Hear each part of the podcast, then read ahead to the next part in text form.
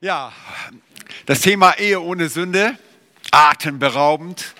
Ehe ohne Sünde, ein absoluter Traum. Jeder von uns hat sich einmal im Leben in einer perfekten Umgebung oder nach einer perfekten äh, Umgebung hat er sich gesehnt. Er hat sich nach absoluter Harmonie gesehnt. Ein Leben, bei dem alles gut ist, ein Leben, bei dem es keinen einzigen Mangel gibt, ein Leben, das in keinerlei Weise irgendwie durch Fehltritte, sprich durch Sünde gekennzeichnet ist.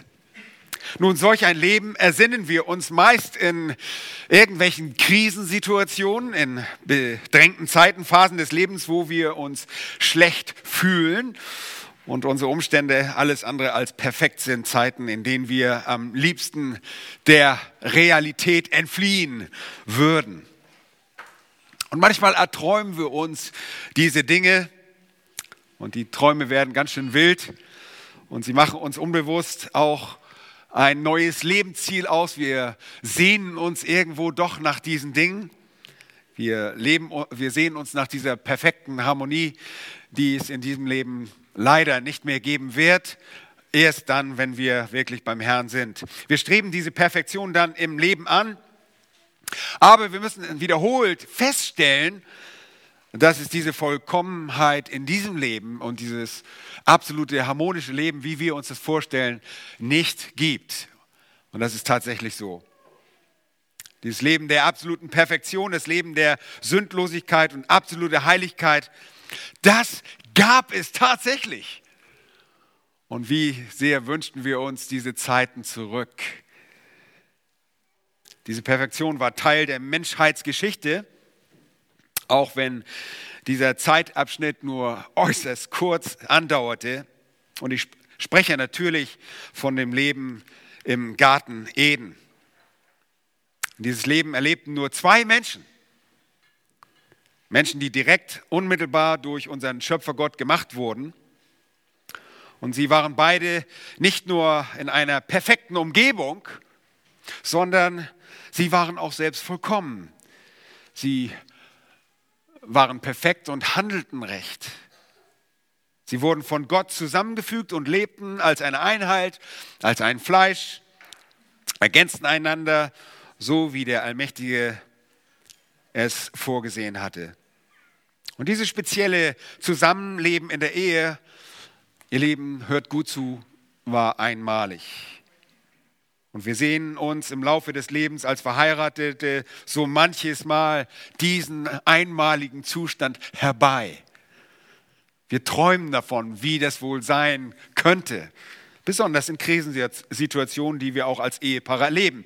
In der Zukunft werden wir aber nicht einer irdischen Verein, äh, Vereinigung teilhaftig werden, sondern einer himmlischen mit unserem Bräutigam, den Herrn Jesus selbst, vermählt sein und in absoluter Harmonie zusammenleben bei unserer Verherrlichung.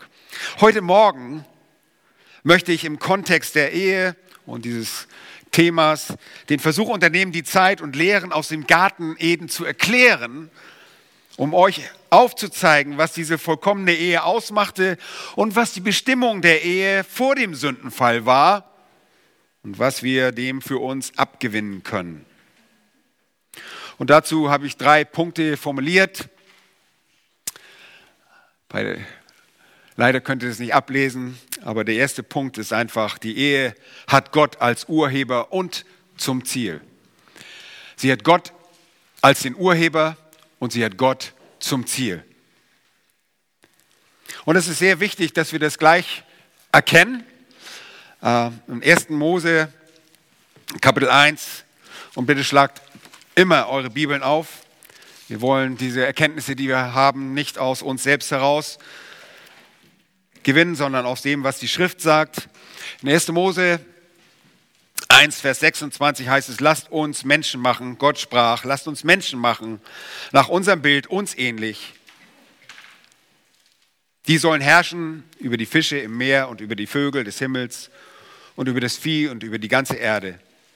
Auch über alles Gewürm, das auf der Erde kriecht. Wir sehen hier, und es bleibt uns äh, nicht verborgen, ein Personalpronomen im Plural, lasst uns, wahrscheinlich die erste Anspielung auf die Dreieinigkeit, des, den dreieinigen Schöpfer, lasst uns Menschen machen. Er hat den Menschen geschaffen. Der dreieinige Gott hat den Menschen geschaffen, wie er ist.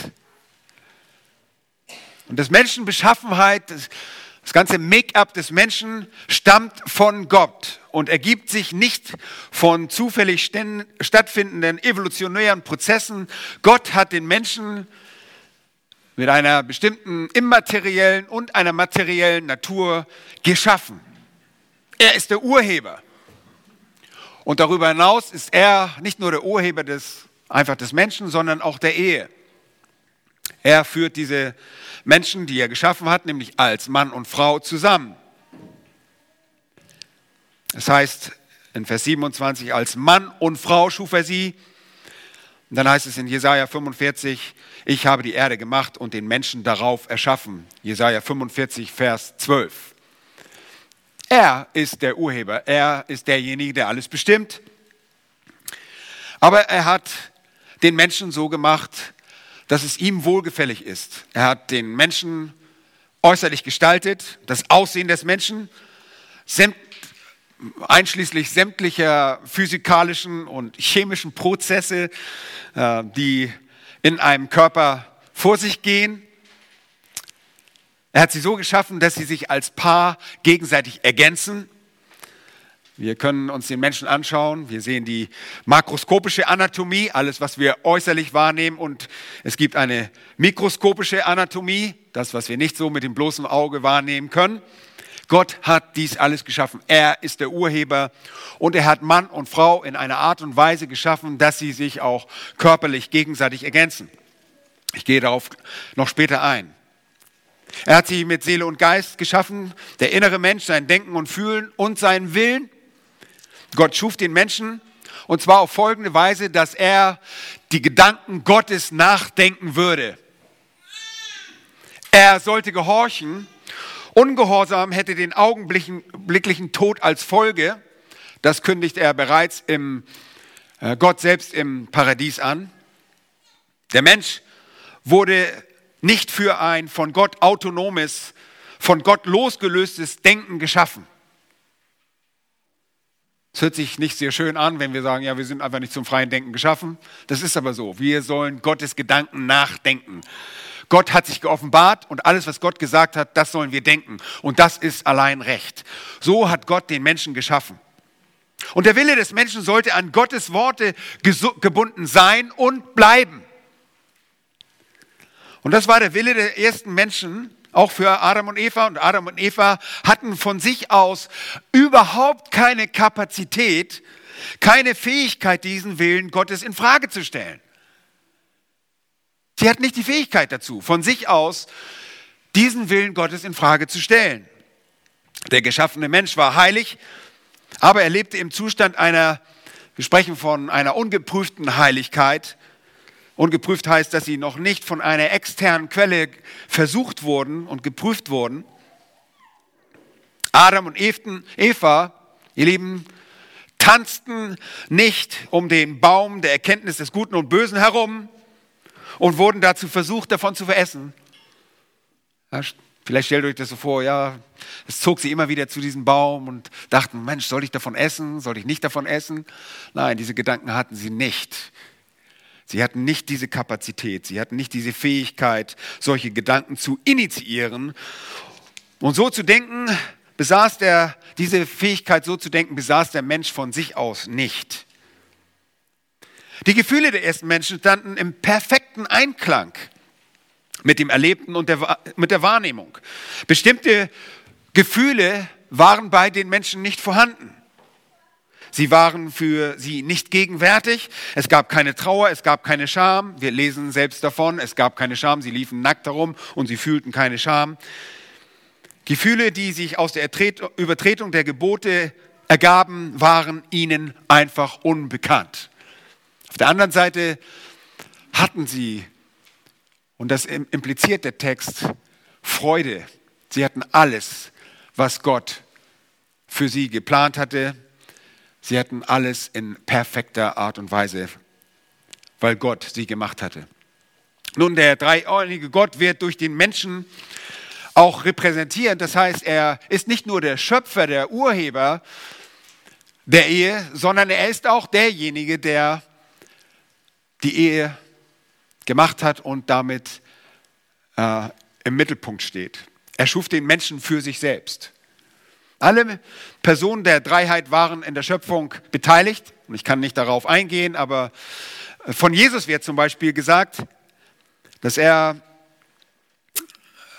der Schöpfer ist, denn in ihm heißt es, ist alles geschaffen worden, was im Himmel und was auf Erden ist, das Sichtbare und das Unsichtbare, seien es Throne oder Herrschaften oder Fürstentümer oder Gewalten, alles ist durch ihn und entscheidend für ihn geschaffen. Die Ehe ist auch, das Ziel der Ehe ist, dass wir für ihn leben. Er ist der Urheber, aber er ist auch das Ziel dieser Schöpfung. Das ist Kolosse 1, Vers 16. In Hebräer heißt es in Kapitel 1, Vers 2, in der zweiten Hälfte des Verses, ihn, das ist Jesus, hat er, Gott der Vater, eingesetzt zum Erben von allen. Durch ihn hat er auch die Welten geschaffen. Durch ihn wurde die Welt geschaffen. Er ist der Schöpfer aller Dinge. Und in Jesaja 43, Vers 7 heißt es, ein jeden, der mit meinem Namen genannt ist und den ich zu meiner Ehre geschaffen habe. Er hat den Menschen zu seiner Ehre geschaffen. Er hat die Ehe zu seiner Ehre geschaffen. Und er schuf den Menschen, heißt es dort in diesem Vers, in Kapitel 1, Vers 26, im Bilde Gottes, nach unserem Gleichnis oder je nach Übersetzung, Gleichnis in seinem Bilde, nach seinem Bilde, nach seiner Vorstellung ihm ähnlich. Und das bedeutet, der Mensch als Bild Gottes, Theologen nennen das das Imago Dei, Gott in gewisser Weise ähnelt. Es gibt eine Ähnlichkeit. Genau wie Gott besaßen Adam und Eva verstandesmäßige Fähigkeiten. Sie waren als moralische Wesen reingeschaffen. Sie, ihre Ähnlichkeit bestand in einer geistlichen Natur. Sie sollten herrschen, erhielten darin einen Auftrag, der der konstanten Regierung Gottes über die Welt ähneln sollte. Sie erhielten Kreativität. Das muss man schon haben, wenn man allen Tieren auf der Welt Namen verleiht. Und nicht irgendwie nur ein Telefonbuch nimmt und äh, sie daraus nimmt. Und sie besaßen die Fähigkeit, moralisch sittliche Entscheidungen zu treffen. Und Gott hatte sie auch gemacht, damit sie ewig leben sollten. Und darin ähnelt der Mensch Gott. Der Mensch sollte Gott ähnlich sein. Deshalb schuf er Gott den Menschen im Bilde Gottes. Die Ebenbildlichkeit bezieht sich auf den ganzen Menschen, obwohl wir was wissen? Dass Gott nicht Mensch ist, sondern Geist. Trotzdem entspricht das Äußere des Menschen in irgendeiner Form dem Wesen Gottes, entspringt zum ersten seiner Kreativität und den Vorstellungen unseres Gottes, sodass der Mensch immer das Ideal von Schönheit ist. Es ist interessant, durch dieses Bild Gottes repräsentiert der Mensch Gott. Er soll ihm Ehre bringen. Sein Auftrag ist, auf der Erde zu herrschen, zu regieren. Und das immer mit dem Ziel, Gott zu ehren. Und Gott schuf diesen Menschen in einem unentstellten Ebenbild. Das Ebenbild Gottes wurde ein bisschen entstellt durch den Sündenfall, aber es bleibt für die Dauer seiner Existenz immer erhalten, auch wenn es entstellt ist und beeinträchtigt werden sollte. So ging die Ebenbildlichkeit Gottes, die Ähnlichkeit Gottes im Menschen, selbst beim ärgsten Sünder, nicht verloren. Das ist der grundlegende äh, Einblick, den Gott uns gibt. Er ist der Schöpfer des Menschen. Er ist derjenige, der Mann und Frau zusammengebracht, zusammengefügt hat. Das ist eine ganz einfache Grundlage. Die Ehe als die älteste Institution dieser Erde. fängt gleich mit der Ehe an. Und es ist die Institution, die von Anfang an auch bekämpft wird. Das Erste, was wir sehen, ist der Angriff auf die Ehe. Nun, als zweites, mein zweiter Punkt ist, die Ehe ist Gottes perfektes Werk. Nun, ich musste mich äh, bei meinen Vorbereitungen sehr begrenzen, dass ich nicht äh, überall in der Geschichte der Bibel herumwandere und äh, über meinen Themenbereich hinausgehe. Obwohl ich äh, Dinge aus der Schrift herangezogen habe, äh, die über den paradiesischen Zustand etwas gesagt haben, möchte ich nicht von der Ehe nach dem Sündenfall sprechen, sondern vor dem Sündenfall, einer perfekten Ehe. Was gibt es Schöneres, als darüber zu reden und darüber nachzudenken? Es ist die perfekte, sein perfektes Wort. Es gab gemäß äh, Kapitel 2 war das Werk vollendet. In Vers 2, Kapitel 2, Vers 1 und 2 lesen wir, dass Gott sein Werk vollendet hatte. Nach der Schöpfung, nach diesen sechs Schöpfungstagen gab es keine weiteren Modifikationen am Menschen. Gott hat nicht noch nachgebessert, wie so manche Softwarehersteller ein neues Update bringen. Der Mensch wurde nicht updated. Er wurde nicht verbessert, er wurde auch nicht verschlechtert. Er schaffte ein perfektes Werk. Gott schuf zwei perfekte Menschen und er fügte sie zusammen. Und da heißt es, was Gott nun zusammengefügt hat, das soll der Mensch nicht scheiden. Heißt es in Markus Kapitel 10, Vers 9. Gott fügte sie zusammen. Es war eine dauerhafte Verbindung. Und wir sehen im Paradies eine tatsächlich wörtliche Zusammenfügung. Ähm, wie man sie sich vorstellt. Gewissermaßen wie ein Stück Puzzle. Gott hat ein Puzzlestück in der Hand und sagt, da fehlt noch ein zweites Stück, damit es ein komplettes Bild gibt. Und er schafft die Frau und er fügt sie äh, dem Adam hinzu. Und diese Zusammenfügung zweier Menschen durch dessen Schöpfer ist ein perfektes Werk. Und Gott spricht sein Urteil am Ende von Kapitel 1 sehen wir in Vers 31, dass er sagt, er sah an, alles, was er geschaffen hat, und siehe, es war, welche Note? Sehr gut. Es gab keinen Mangel. Er sagte nicht, oh, der Mensch ist unvollkommen. Er war absolut perfekt. Sie waren zusammen perfekt, sie waren als Einheit perfekt. Und darüber hinaus spricht Gott seinen Segen aus. Er segnet seine eigene Schöpfung Kapitel 1, Vers 28, über beide. Und schaut euch das bitte an. In Vers 28 steht folgendes. Und Gott segnete sie und sprach, seid fruchtbar und mehrt euch und füllt die Erde und macht sie euch untertan und herrscht über die Fische im Meer und über die Vögel des Himmels und über alles Lebendige, was sich regt auf der Erde gemeinsam und nur gemeinsam konnten sie diesem Auftrag nachkommen.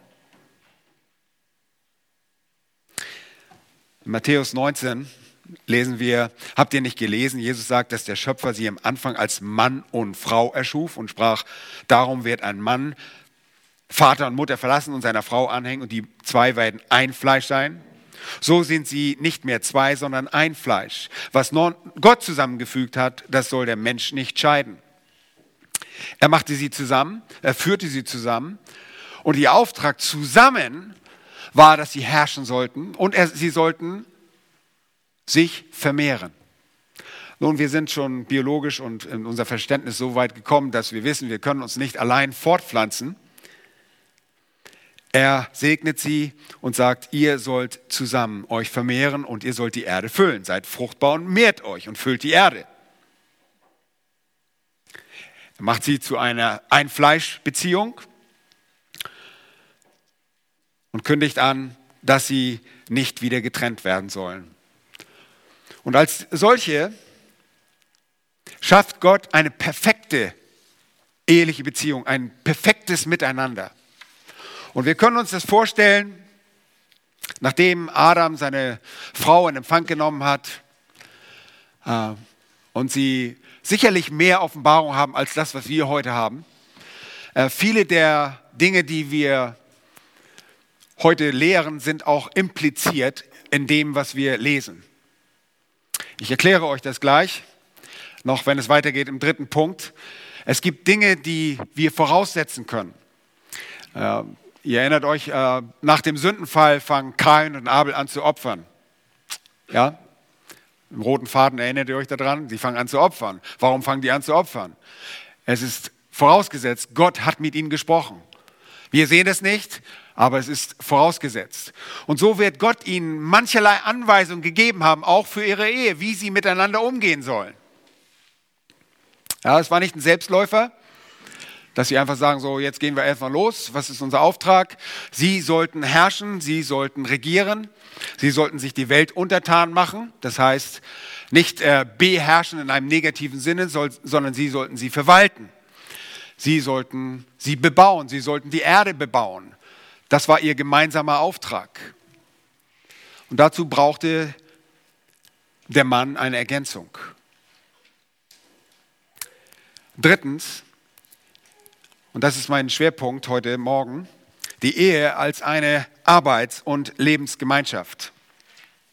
Und zwar mit einem speziellen Zweck.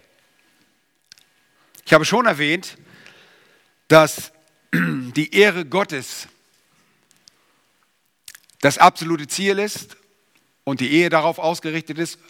Selbst als einzelner Mensch wird uns gesagt, alles, was ihr tut, ob ihr esst oder trinkt oder sonst etwas tut, tut alles zur Ehre Gottes. Eine Ehe, gelebte Ehe soll zur Ehre Gottes geschehen. Aber konkret sollte dies geschehen durch die Herrschaft über die Schöpfung. Sollte das ausgelebt werden. Regieren über die Schöpfung, der Mensch sollte sie verwalten. Und ich habe mich zurückversetzt, gedanklich, habe mir vorgestellt, im Garten eben, da wird davon gesprochen, dass das Land noch nicht bebaut war, aber es sollte bebaut werden. Und ich habe mir vorgestellt, Mann, wie schön muss das gewesen sein. Ein Land zu bebauen, in dem es kein Unkraut gibt, in dem es kein Durcheinander geben würde, nicht jede Ernte gelingen würde, in dem das Land wirklich ergiebig Frucht bringen würde. Die ganze Erde sollte verwaltet werden zur Ehre Gottes. Das war ihr Auftrag. Und der Mensch sollte regieren, sollte verwalten. Sie gestalten, sie verwalten als Krone der Schöpfung. Sollten sie sich die restliche Welt untertan machen. Und das Untertan machen in diesem Paradies würde bedeuten, ohne jeglichen Konflikt. Es würde nicht bedeuten, ich muss ankämpfen gegen irgendein widerspenstiges Tier, das mir meine Arbeit strittig macht, das über meinen Acker läuft und alles verdirbt oder die Vögel kommen und den Samen aufpicken, sondern in absoluter Perfektion. Wir können uns diese Gedanken zurechtlegen und weiterspinnen. Irgendwann kommt man an bestimmte Grenzen. Ich bin so froh, dass es nicht viel mehr Einblick gibt und ich glaube, wir tun nicht gut daran, allzu lange darüber nachzusinnen. Aber der Auftrag ist klar. Der Mensch sollte herrschen über die Schöpfung. Und das deshalb eine Arbeitsgemeinschaft. Ihr Lieben, Arbeit ist kein Resultat des Sündenfalls. Ist nicht etwas, was sich aus dem Sünde ergeben muss. Jetzt sind wir Sünder, jetzt müssen wir arbeiten. Arbeit ist etwas Wunderbares. Wie bitte? Ich sage es nochmal für euch, die ihr das nicht glauben könnt. Arbeit ist etwas Wunderbares. Es ist etwas von Gott Bestimmtes. Und das soll in Teamarbeit durch die Ehe geschehen. Sie sollten die Schöpfung verwalten. Sie sollten über die Erde herrschen. Dann lesen wir weiter, dass sie sich mehren sollten. Sie sollten nicht allein bleiben, sondern es sollte eine Menschheit entstehen. In Jesaja 45 heißt es, Vers 18, denn so spricht Jahwe, der Schöpfer, der Himmel, er ist Gott, der die Erde gebildet hat und bereitet hat. Er hat sie gegründet, nicht als Einöde hat er sie geschaffen, sondern um bewohnt zu sein, hat er sie gebildet. Ich bin Jahwe und sonst keiner. Der Grund dafür, dass er sie so gemacht hat, die Erde so gemacht hat, ist, dass sie bewohnt werden sollte. Kinder sollten in der Furcht und Unterweisung des äh, Unterweisung Gottes herangezogen werden, etwas, was impliziert ist, wird in, in dem, was wir lesen. Denn wenn man sich vermehrt, hat man Kinder und Kinder müssen erzogen werden. Sie müssen lernen von dem, was Gott einem mitgeteilt hat. Auch wenn wir nicht davon als ursprüngliche Anweisung lesen, wir können davon ausgehen, dass Adam und Eva genau wussten, wie sie ihre Kinder erziehen sollten. Sie sollten ihnen die Gebote Gottes beibringen. Es ist eine Arbeitsgemeinschaft, in der Fruchtbarkeit ein Ziel ist. Es ist eine Lebensgemeinschaft, in der Fruchtbarkeit und Vermehrung eine Absicht ist. Und sie ist zwischen Mann und Frau. Und sagt, ja, Borchmann, das ist doch so logisch wie nur irgendwas. Nun, heute ist das ja gar nicht mehr so logisch. Unser Gott ist der, Schöpfung der, der Schöpfer der Geschlechter. Hier wird die Frage der Verwehrung von Geschlechtern so unkompliziert entknotet. Er schuf sie als Adam and äh, Eve, not as Adam and Steve, nicht als Adam und als Adam und Eva und nicht Adam und Steven. Ja, zwei unterschiedliche Geschlechter, nichts dazwischen. Es gibt weder ein Dazwischen der Geschlechter noch die De Deplatzierung eines Geschlechtes in einem falschen Körper. Sowas gibt es nicht. Gott hat sie als Mann und als Frau geschaffen. Und es ist eine Arbeitsgemeinschaft zwischen einem Mann und einer Frau. Es ist eine, Arbeitsgeschaft, äh, eine Arbeitsgemeinschaft, bei der, hört mir gut zu, und das geht bereits aus dem Text hervor, bei der der Mann das Haupt ist. Du fragst, wo steht das? Nun, wir ziehen natürlich andere Verse aus dem Neuen Testament auch zu Rate. Aber als alles erstes sehen wir, dass wer zuerst geschaffen wurde? Adam wurde zuerst geschaffen. Er wurde gemacht und auch nach dem Sündenfall wird er als erster auch von Gott angesprochen. Er hatte Verantwortung. Er sollte das Haupt sein, wie uns äh, verschiedene Texte, Epheser Kapitel 5, Vers 23, 1. Korinther 11 und Vers 3, dass der Christus der Haupt eines jeden Mannes ist, aber der, der Mann das Haupt der Frau. Er hat die Verantwortung, er hat die Autorität über die Frau. Wir sehen das auch, dass Gott nach dem Sündenfall Adam zuerst anspricht die Schlange jedoch versucht sich an der Frau. Genau das Gegenteil. Und der Angriff ist auf die Ehe von Anfang an. Die Werke Gottes sollten zunichte gemacht werden. Satan versucht die Frau, was wirklich darauf hinweist, dass der Widersacher Gottes Schöpfungsordnung durcheinander bringen wollte. Und er will es heute noch. Und er ist recht erfolgreich. Wir schauen heute in unsere Gesetzgebung. Was ist möglich? Seit, seit gewisser Zeit eine Ehe zwischen Mann und Mann und Frau und Frau. Wir sind durcheinander. Die Menschheit ist durcheinander. Gott macht es sehr deutlich. Es ist eine Gemeinschaft, eine Lebensgemeinschaft, eine Arbeitsgemeinschaft zwischen Mann und Frau, bei der der Mann das Haupt ist. Und das Haupt spricht nicht davon, dass etwa der Mann eine andere Wertigkeit besitzen würde, sondern es geht um die Funktion und Berufung so wie Gott der Vater das Haupt des Christus ist. Und so sind wir Haupt der Frau, der Ehefrau. Er spricht von Autorität. Das Wort Kephale, das griechische Wort Haupt, spricht davon, dass du das Schaltzentrum bist, das Verantwortungszentrum, die Autorität bist, das letzte Wort zu sagen hast und Verantwortung übernimmst. Und viele Frauen wissen sehr geschickt, diesen Haupt, diesen Kopf zu drehen. Jemand hat einmal gesagt, ja, ihr seid das Haupt, aber wir sind der Hals. Wir drehen den Kopf dahin, wo er will, wo wir wollen. Nun, das stimmt in gewisser Weise, vorsichtig dabei. Aber der Mann ist das Haupt. Das lesen wir in 1. Korinther, ich lese es nochmal vor, ich will aber, dass ihr wisst, dass Christus das Haupt jedes Mannes ist, der Mann aber das Haupt der Frau. Gott aber das Haupt des Christus. Und wir schauen uns einfach diese Beziehung an und wir stellen, ah, ist Gott der Vater mehr wert als Christus? Nein, sie sind eins. Haben sie unterschiedliche Funktionen? Selbstverständlich. Vom Sein, von ontologischen her, absolute Gleichwertigkeit, aber eine andere Art der Berufung und Ausführung von Diensten. Wir erinnern uns auch, dass Christus das Haupt der Gemeinde ist. Was tun wir als Gemeinde? Wir achten auf das, was das Haupt uns sagt. Wir ordnen uns dem Haupt unter. So soll die Frau sich auch dem Manne unterordnen. Und das geht aus diesen Versen bereits hervor, indem wir die Schöpfungsordnung sehen, dass Gott zuerst den Mann schafft und dann die Frau. Als Mann und Frau schuf er sie und er segnete sie. Und interessant, er gab ihnen den Namen Mensch. Das heißt Adam. Und einige feministische Theologen sind damit gar nicht einverstanden, dass man den Begriff Adam für den allgemeinen Begriff Menschheit benutzt. Das ist Diskriminierung gegen das weibliche Geschlecht.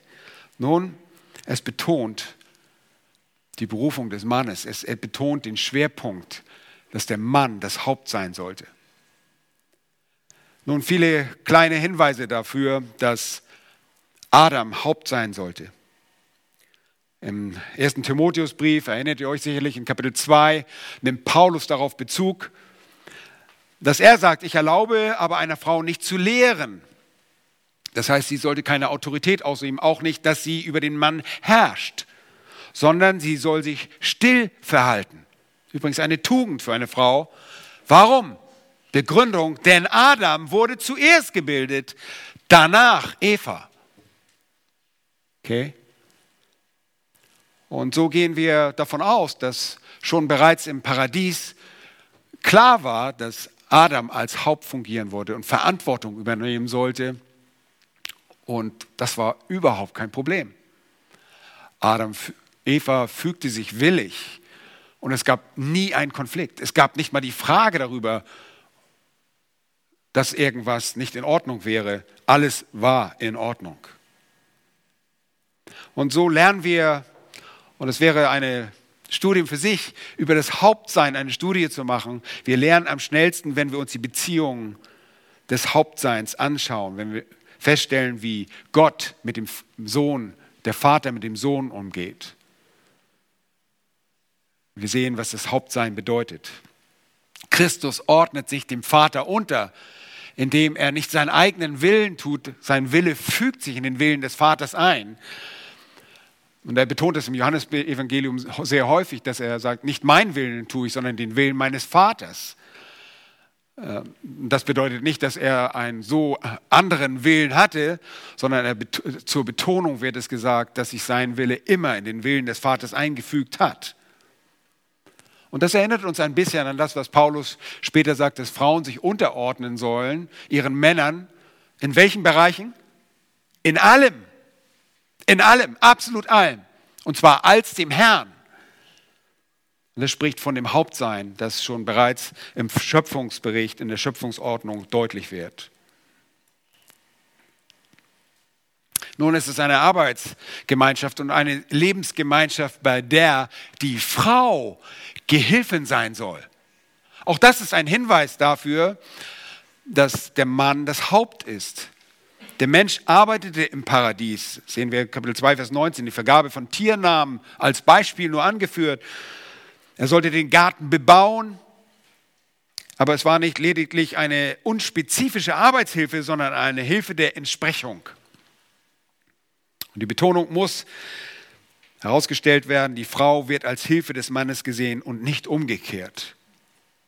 Natürlich half Adam Eva bei einigen Aufgaben, ich nehme an, dass er in seiner Statur etwas länger war. Und Eva sagt, Adam, kannst du mir mal den Pfirsich von da oben runterholen? Weil sie nicht rankam.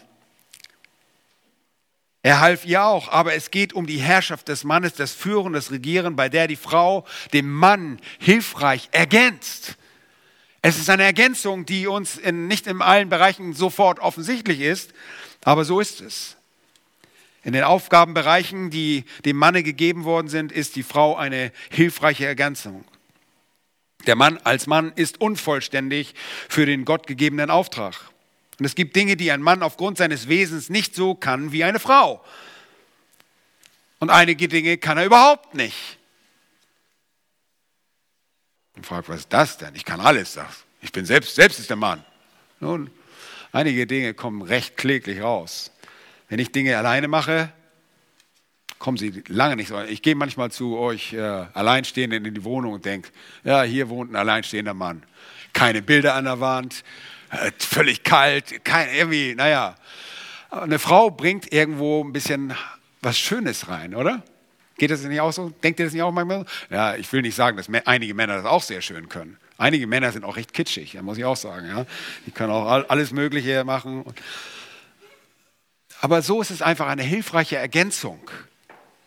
Und die, der Begriff Hilfe, dass die Frau eine Hilfe sein wird, wird auch für Gott gebraucht. Das ist nicht irgendwas Negatives. Da kommt nicht meine Sklavin, komm her und äh, mach, was ich will. Das gab es auf jeden Fall im Paradies nicht. Das wird leider heute so verdreht, dass man von der Dominanz und Dominieren einer Frau spricht. Das ist überhaupt nicht der Gedanke dabei, sondern eine wohlgefällige Hilfe und Ergänzung. Dieser Begriff wird für Gott verwendet und weist in keiner Art und Weise auf eine Minderwertigkeit hin. Es ist eine Arbeitsgemeinschaft und Lebensgemeinschaft, bei der sich Mann und Frau ergänzen. Und es ist einfach wunderbar, die besonderen Stärken und Schwächen der Geschlechter zu erkennen und dann die Schlussfolgerung zu ziehen, wie sich Mann und Frau wirklich wunderbar harmonieren, wie sie miteinander wunderbar harmonieren. Und diese Harmonie, ihr Lieben, war im Garten Eden perfekt. Kein Streit darum, welche Tischdecke, welche Farbe, über welche Tischdecke auf den Tisch kommt. Nichts, kein Streit. Absolute Perfektion. Oh Mann, wie muss das gewesen sein? Ganz offensichtlich wird in dieser Arbeits- und Lebensgemeinschaft die Ergänzung von Mann und Frau bei der Fortpflanzung verstanden. Adam beobachtete sicherlich alle Tiere. Der war ja nicht dumm. Ja, einige stellen ihn sich vielleicht so als so einen Affenmenschen vor. Der war so viel klüger als wir. Nur weil wir ein paar Knöpfe am Computer drücken können, meinen wir, dass wir immer so intelligent sind. Adam war ein intelligenter Mensch. Und er wusste ganz genau, Mann, der Affe hat eine Äffin. Ja, dieser Hengst hat eine Stute. Wo ist meine Stute?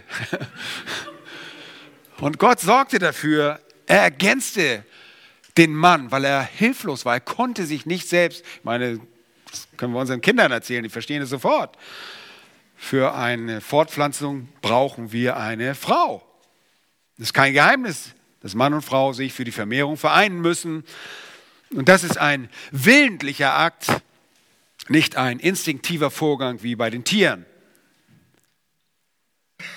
Nun, ich bin mir sicher, dass es auch klar war, dass es eine Arbeitsgemeinschaft und Lebensgemeinschaft zur gegenseitigen Ehrerbietung war.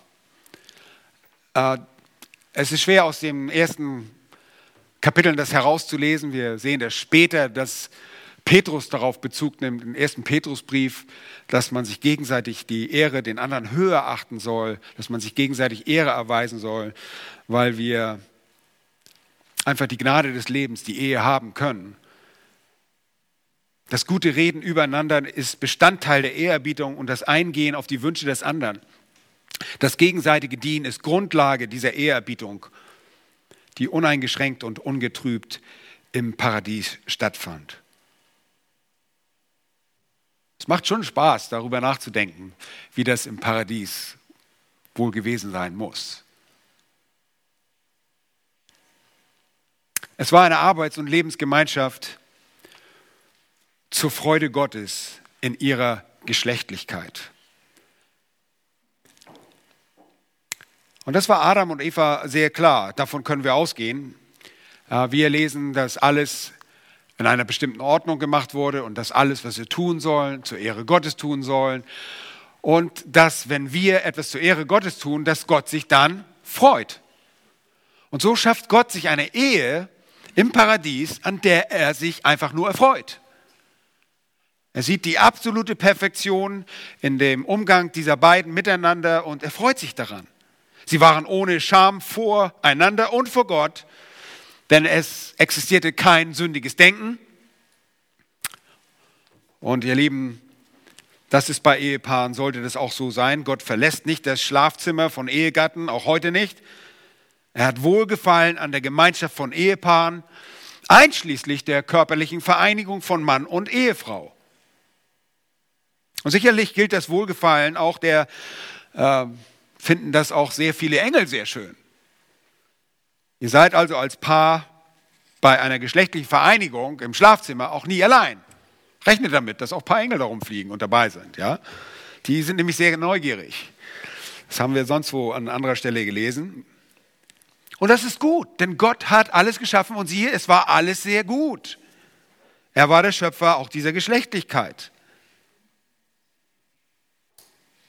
Diese dienstbaren Geister haben selbst keine eigene Geschlechtlichkeit oder üben äh, keine Ehen aus. Es gibt keine Ehe im Himmel.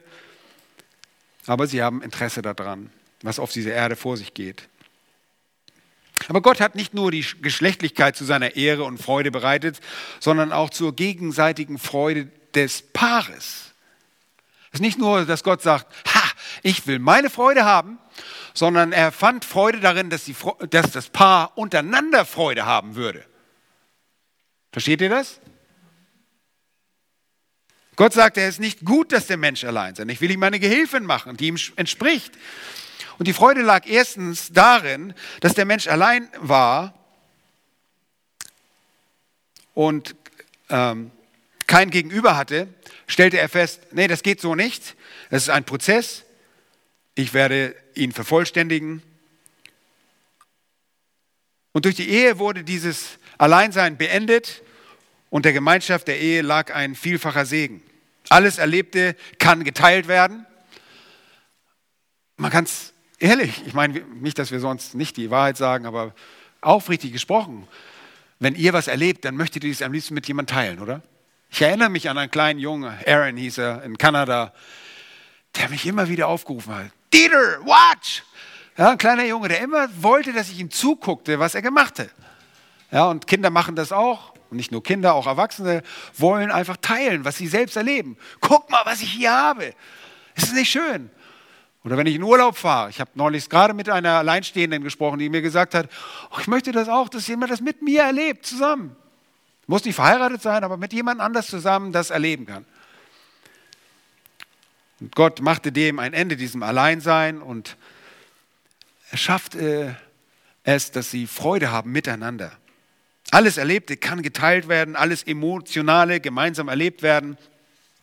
Und Gott selbst spornt das Paar sogar zu einer körperlichen Vereinigung an und hat Freude daran. Im Hohelied Kapitel 5 lesen wir von dem Ehepaar, dass Gott von ihnen sagt, der Bräutigam sagt, ich komme in meinen Garten, meine Schwester, der Ehemann spricht zu seiner Braut, meine Braut, ich pflücke meine Möhre samt meinen Balsam, ich esse meine Wabe samt meinen Honig, ich trinke meinen Wein samt meiner Milch. Nun, das ist hocherotisches Material, das einfach nur in einem Euphemismus weitergegeben wird. Und dann heißt es, trinkt und berauscht euch an der Liebe. Esst, meine Freunde, trinkt und berauscht euch an der Liebe. Und man fragt sich, wer gibt denn hier seinen Kommentar? Wer ist das? Und die meisten Ausleger sind sich einig, das muss Gott sein, der dieses Paar anspornt dabei und sagt, esst, genießt. Berauscht euch an der Liebe, habt Freude daran. Gott schafft es zur gegenseitigen Freude des pa zur Freude des Paares. Ihr Lieben, und das sind Dinge, die impliziert sind. Gott schuf den Menschen, wie er ist. Ihr Lieben, er schuf erogene Zonen, bestehend aus Teilen des Körpers, die eine Konzentration von sensorischen Nervenenden haben, die stimuliert werden können, um sexuelle Erregung zu verursachen. Gott hat unseren Körper so gestaltet. Wir Lieben, dass unsere Hormone, unsere Nervenenden und unser Gehirn, unser Denken sexuelle Erregung erzeugen können. Und dabei erlebt der Mensch ein Wohlgefühl und gleichzeitig wird ein ganzer Hormoncocktail ausgeschüttet in die Ströme des Lebens, in den, in den Körper des, des Menschen. Dazu gehören Östrogen, was zur Regeneration der Zellen da ist Endorphine sorgen für ein Hochgefühl Morphium, äh, körpereigene Morphiate, äh, Opiate sind das ja, Opiate, die der Körper erzeugt, sind da zum Beglücken des Menschen. Gott hat das so gemacht. Und ihr Lieben, Gott hätte es auch alles ganz anders machen können. Gott hätte gesagt, hey, wir machen hinter der Frau, hinter dem Ohr der, hinter dem linken Ohr der Frau einen Knopf. Und damit die Frau schwanger wird, drückt der Mann diesen Knopf für fünf Sekunden. Ja, weil man ja leicht mal dagegen kommen könnte und dann gibt es zu viele Kinder. Aber wenn man fünf Sekunden diesen Knopf tief drückt, dann wird die Frau schwanger. Nein, er hat es so gemacht, dass in der Arbeits- und Lebensgemeinschaft, dass sie zusammenkommen, dass sie Freude dabei empfinden dürfen und es genießen dürfen. In Prediger 9, Vers 9 lesen wir, genieße das Leben mit deiner Frau, die du liebst, alle Tage deines nichtigen Lebens. Nun, das nichtige Leben war es, nachdem der Sündenfall da war. Das Leben, das er dir unter der Sonne gegeben hat, alle deine Tage deines nichtigen, nichtigen Tage hindurch. Denn das ist dein Anteil in diesem Leben und in der Mühe, womit du dich abmühst unter der Sonne. Und für Adam und Eva war das weder Mühe, sondern war das schiere Freude absolute Perfektion. Absolute freie Liebe, egal wo sie wollten, wie sie wollten. Keine Hindernisse, keine Disteln, auf denen sich jemand mit seinem nackten Popo setzte und dann aufschrecken musste. Nichts. Absolute Perfektion. Nun, zu eben diesem Genuss hat Gott auch die Ehe geschaffen nur dass im Garten eben die Tage nicht nichtig waren. Es gab keine hinderliche Mühe. Nun, diese Freude sollte sich ergeben, wenn Mann und Frau miteinander harmonieren. Und so sehen wir, diese Dinge sind geschaffen, damit Gott geehrt wird. In all dem, was er geschaffen hat, in absoluter Perfektion, wurde Gott geehrt. Und Gott ist der Urheber und er ist auch gleichzeitig das Ziel dieser Beziehung. Er will dadurch geehrt werden. Er machte den Menschen nach seinem Bild, dass sie ihm ähnlich sind, dass er Gott repräsentieren würde auf dieser Erde, indem er herrscht, gemäß den vorgegebenen Maßstäben und zugegeben, nach dem Sündenfall wird das Herrschen dieser Erde, über das Herrschen über die Schöpfung nicht sehr einfach sein. Aber im Garten Eden, null Problemo. Kein Problem, keine Sünde. Und wir können uns das nicht einmal mehr vorstellen. Unser verdrehtes Denken, durch die Sünde verdrehtes Denken, macht es uns nicht einmal möglich, in einem nicht moralischen oder moralisch reinen Sinne über eine perfekte Ehe nachzudenken im Garten Eden. Was wäre, wenn? Brauchen wir auch gar nicht nachdenken, denn Gott hatte einen anderen Plan. Er hatte eine Ehe geschaffen und ihr Lieben, noch einmal, die älteste Beziehung, die älteste Institution auf dieser Erde ist die Ehe. Seitdem es einen Menschen gibt, die Frau wacht auf und sie hat einen Mann. Ist das nicht toll? Er hat sie zusammengefügt. Und ich habe Hoffnung dafür, dass Gott das fortsetzt, was er tut. Und wir wissen, dass, dass er das fortsetzt, was er tut. Wir wissen, dass er das Ebenbild ein wenig entstellt ist, aber Kraft des Heiligen Geistes und der Veränderung in unserem Leben als Kinder Gottes gibt er uns auch nach dem Sündenfall die Fähigkeit, bestimmte Dinge genauso zu tun, wie er sich das vorgestellt hat. Ihr Lieben, die Ehe ist ein Geschenk Gottes. Und ich weiß, es gibt ja immer wieder diesen Gedanken, wann werden wir diese Perfektion nur erleben, wie wir sie aus dem Garten Eden erkennen? Es wird sie auf dieser Seite der Ewigkeit nicht geben. Und dazu wird uns der nächste Vortrag dienen, die Ehe nach dem Sündenfall. Aber vor dem Sündenfall absolute Harmonie, absolute Perfektion, absolute Zielsetzung durch Gott gegeben. Was ist der Auftrag des Menschen? Über die Erde zu herrschen, sich fortzupflanzen. Ihr Lieben, ich habe oft im Laufe meines Lebens gehört, dass Menschen gesagt haben, kann man überhaupt noch Kinder in die Welt setzen? Ist das nicht viel zu gefährlich? Was jetzt alles losgeht, ich weiß, Das haben wir schon als äh, Eltern gedacht. Mann, was jetzt alles auf uns zukommt. Ist das, der Herr weiß die Sein zu bewahren. Es ist sein Geschenk. Wir dürfen die Ehe genießen, wie er sie geschaffen hat. Es ist wirklich die Gnade des Lebens, wie Petrus es nennt. Und allen anderen gibt er die Gnade, auch so zu leben, wie ihr momentan lebt, bis er euch mit, einem, mit einer Ehe segnet. Lasst uns zusammen beten. Herr, wir danken dir von ganzem Herzen für den Einblick, den du uns gibst in das ursprüngliche Paradies, in dem du alles wunderbar geschaffen hast.